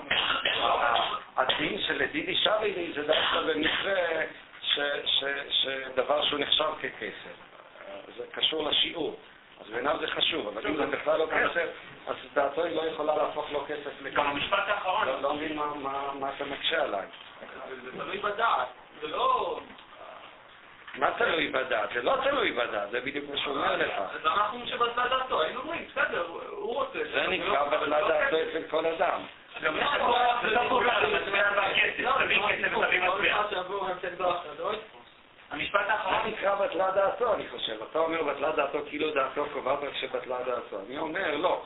הגדר, מה שהוא אומר, הגדרת הכסף היא לא הגדרה אינדיבידואלית, מה נחשב ככסף, מה לא נחשב ככסף. המשפט הגדרת הכסף היא הגדרה חברתית, היא תלויה בדעת בני אדם, לא בדעת הפרטית. המשפט האחרון מוכיח את זה בדיוק, הזה של הכסף והמוטבע, שזה מוטבע, זה, זה כסף ש... תביא כסף וזה תביא כסף. המשפט האחרון, אני לא זוכר לבד. המשפט האחרון בכסף. שתביא כסף ותביא, שזה כסף מוטבע. מה זה כסף מוטבע? שיש לזה את הערך של כסף מוטבע. תביא כסף שהוא לא... זה בדיוק אותו דבר, בדיוק כמו שהרב אומר. זה קשור לגבי קניין ה... טוב, אני לא, לא בטוח שאפשר להסתייע במשפט הזה, אני חושב שהוא קשור. אני עדיין לא הבנתי כל כך את התמונה שאמרת, למה לחבר, למה דווקא אתה את הכסף עם כסף הממון כדי שיתקנה את עצמו? אני, אני רוצה לומר בכיוון הזה של, של הראשונים, ותכף אני מקווה שעוד נספיק לראות גם את הרשב"א, אני אומר אותו אולי בעל פה, שהוא כיוון הפוך, אבל, אבל מה שלמעשה, אה, אה, אני הסתמכתי על הריבה על הנקודה הזאת, ופתאום אה, הייתי אומר, אה, אז דווקא מוצא חן בעיניי, שהוא מדבר על הנפש כעצמה. הוא אומר, גזירת הכתוב, כאילו יש כאן איזשהו קישור בין המקניה נפשה, שזה עצמה, לבין אה, אה, הכסף, גזירת הכתוב של כסף או ממון. מה הקשר? איך הוא מייצג את הגרסה הזאת? הטענה שאני רוצה לטעון שכדי להקנות את הנפש של עצמה צריך דווקא כסף או ממון. מה ההיגיון? איזה חיבור יכול להיות בין כסף וממון לנפשה? התשובה היא שהעצם אפשר לקנות אותו רק באמצעות אה, החומר. זה בעצם הקישור. מה? חליפין לא, כיוון שחליפין זה לא תמורה. אבל זה לא תמורה ממשית. אתה לא, אי אפשר. החליפין אתה קונה את החומר של הדבר. לקנות את הנפש, את העצמיות של הדבר, בשביל זה צריך תנועה של אה, הוזזה מוחלטת. ההוזזה המוחלטת הזאת היא, היא מה? עניין משיכה. מה? הדבר נהיה שלך במאה אחוז, רק נראה שאני ככה, אבל אין שם נפשה, אין שם... נפשה, אין שם עצמיות, זה רק שאלה של בעלות זה בדת אין הוא פונקציה של הרשות. מי שזה נמצא ברשותו, זה- הופך להיות אה, אה, אה, שלו. כאן הריבה אומר, מה? לפי זה הדבר היחיד שבאמת קונים אותו במובן העמוק של המילה, נכון. הדבר היחידי שקונים אותו זה האישה. מה- מה- מה אפשר לקנות חוץ מאישה? אה, במובן העמוק של המילה, אני מסכים איתך. אה, לא פתרת באמת את הפרדוקס. קונים אישה. הפרדוקס הוא נעוץ בעצם העניין ש, ש, שאמרתי אותו מקודם, שהדבר הפנימי מתגלה דווקא בדבר החיצוני. אין לי כרגע בדיוק את המילים איך לנסח את זה. הכוונה היא שכאילו ה- ה- ה- ה- השינוי שכאילו מתרחש ברובד החומרי ביותר, במובן מסוים הוא השינוי המוחלט. כל שינוי פנימי וכן הלאה הוא עדיין לא מוחלט. מתי הוא הופך להיות מוחלט? כשהשינוי הוא הופך להיות, הוא הופך להיות שינוי של החומר עצמו. זה הרעיון הפנימי של האמירה החב"דית הזאת, אבל כאן היא נמצאת, ב, ב, אני חושב, היא נמצאת בתחושה הזאת של הריטב"א. לפי דעתי זה, זה, טוב, אני יכול להציע לכם. אצל הרמב"ן, זה אמרתי, זה הפעולה של הכיחה. כיחה יש רק בתשלום תמורה. בבקשה. אולי יש פה משהו קצת אחר בדברים האלה של הליטווה, שהרי החליפין הם נובעים מתוך ההסכם, מתוך ה- מתוך הדת שלנו. זאת אומרת. אני כל הזמן רציתי להדגיש שחליפין זה לא רק הסכם, חליפין זה גם כן התחייבות, כן. זה תשלום, דבר שמשעבד נפשי, רב שמעון אומר את זה בהסבר של את ההתחייבות הזאת, אבל היא כולה נובעת מזה. של האחריות של האדם למעשים שלו, זה שיש לו תוקף למילים שלו. עכשיו, באיזשהו מקום, האישה שמקנה את עצמה, היא צריכה להגיע מעל המקום הזה. זאת אומרת, היא צריכה אפילו... זאת אומרת, היא מקנה ממש את עצמה, את ה... ה- העצמיות זה מה שנותן לאדם את ה... כאילו, את היכולת להתחייב, או את ה... ואולי בגלל זה החליפים לא... לא. אני שומע, כאילו אתה אומר צריך להיות כאן איזה משהו שהוא לא תלוי בי. שהוא- נוגע באובייקטיבי, כאילו, הוא לא. תלוי בי, הוא מפקיע את הדבר מהרצון ומההסכמה שלי, והוא הופך להיות, ברגע שאתה קיבלת כסף, באותו רגע אתה כבר משועבד, אתה חייב. זה זה- זה הרעיון. אני רק רוצה... אה, אה, אולי לפי הניסוח של רונדל, שכולם כסף שזה לא דווקא מצד הממוני, אז הוא נזכר לי אבל כולם כסף זה דווקא מצד היחידי שזה... מה שהוא אומר זה, זה, זה, זה, זה, אה, אני, שוב, זה הדברים של הרב גוסמן, אבל באמת במחילה רק אני אומר את הרשב"א פשוט, לפחות לבנות תמונה מלאה, אבל כאילו של הגישה שבמובן מסוים היא הגישה ההפוכה. הרשב"א, כיוון שהוא התקשר לשאלה ששאלתי מה זה המקרניה נפשה, אומר הרשב"א לא. באמת, הרב אמינא של הגמרא היא ללמוד את, בבניין אב את קנייני האישה מקנייני השדה. אבל כיוון שלמדנו שאישה נקנית בכסף כמו השדה, אז הרב אמינא של הגמרא הייתה ללמוד את קנייני האישה מקנייני השדה. ואז ממילא, כמו ששדה נקנית בחליפין, ככה גם האישה. אז זה אומר הרשב"א, אישה בפחות משווה פרוטה, אה, אה, חליפין ייתנו בפחות פרוטה.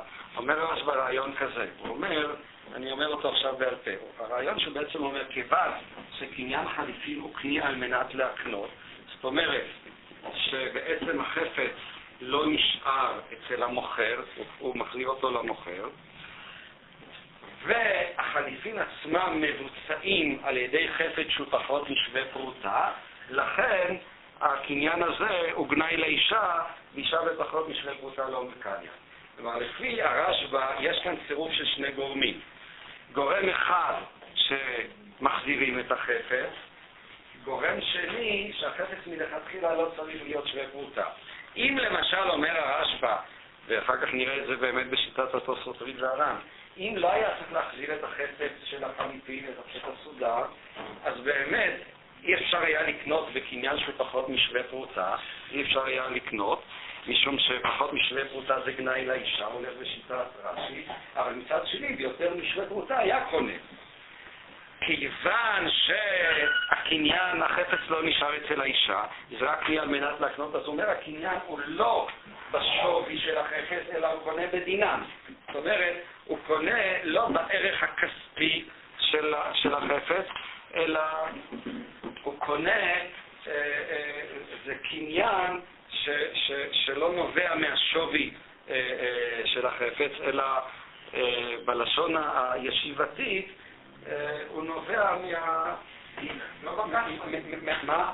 לא כן, לא בערך הממוני בשם של החפץ, אה, אה, בדין של החפץ. אני נותן לך עכשיו חפץ ובזה מתבצע הקניין.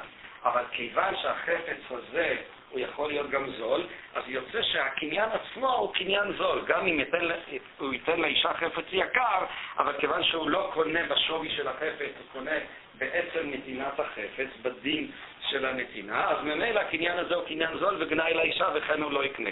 לשון אחרת, אם נפשט את הרשב"א בצורה פשוטה, הוא אומר שכיוון שזה חפץ שמחזירים אותו, והוא עשוי להתבצע גם בחפץ, אם הוא היה צריך דווקא חפץ מכובד, חפץ שהוא שווה, אז באמת זה עצמו, עצמו היה הופך להיות קניין מכובד, ואפשר היה לקנות באמצעותו את האישה.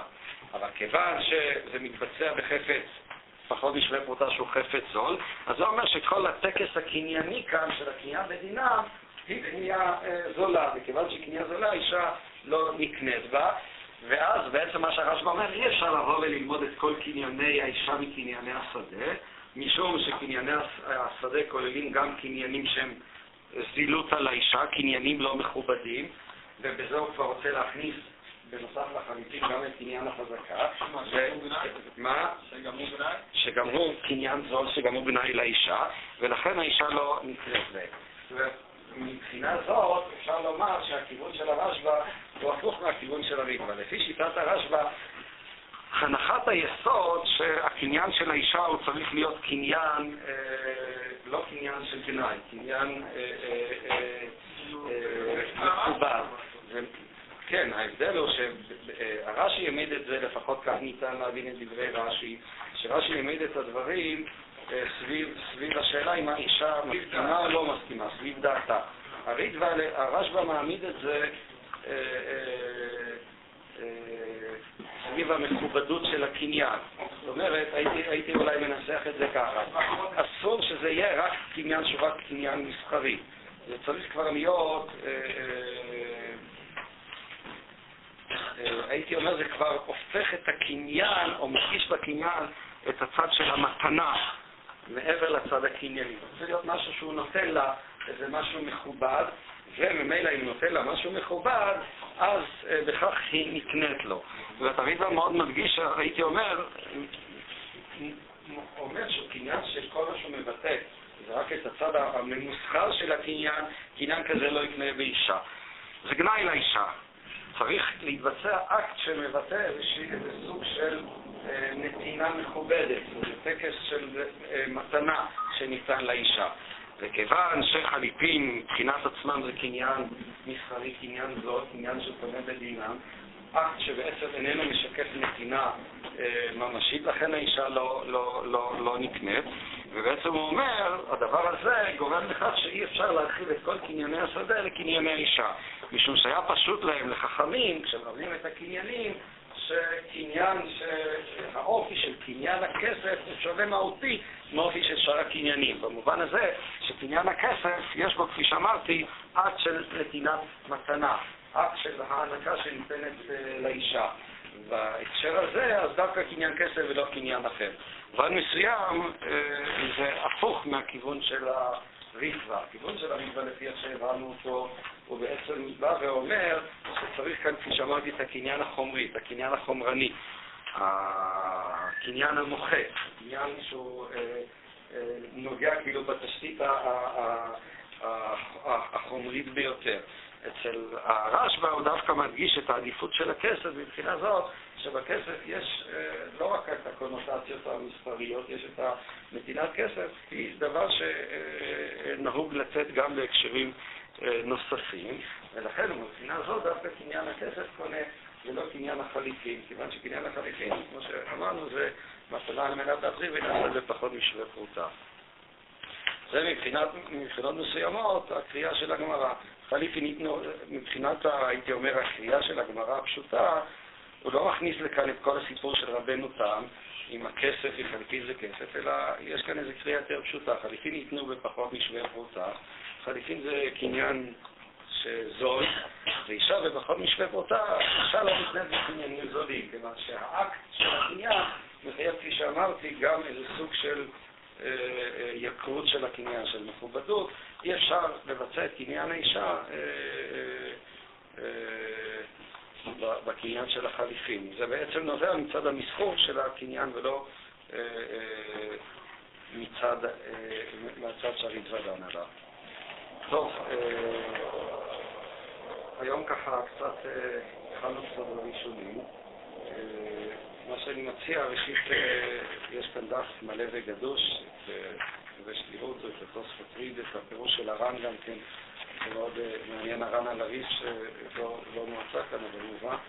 ויש כאן, מקווה שיהיה לכם גם את הרצון ואת הכוח לעבור כאן גם על התוספות ריד, הבני מילואים שיש עליו, זה הבני מילואים ארוך, וגם את הרשב"א עם הקצות שיש עליו כאן.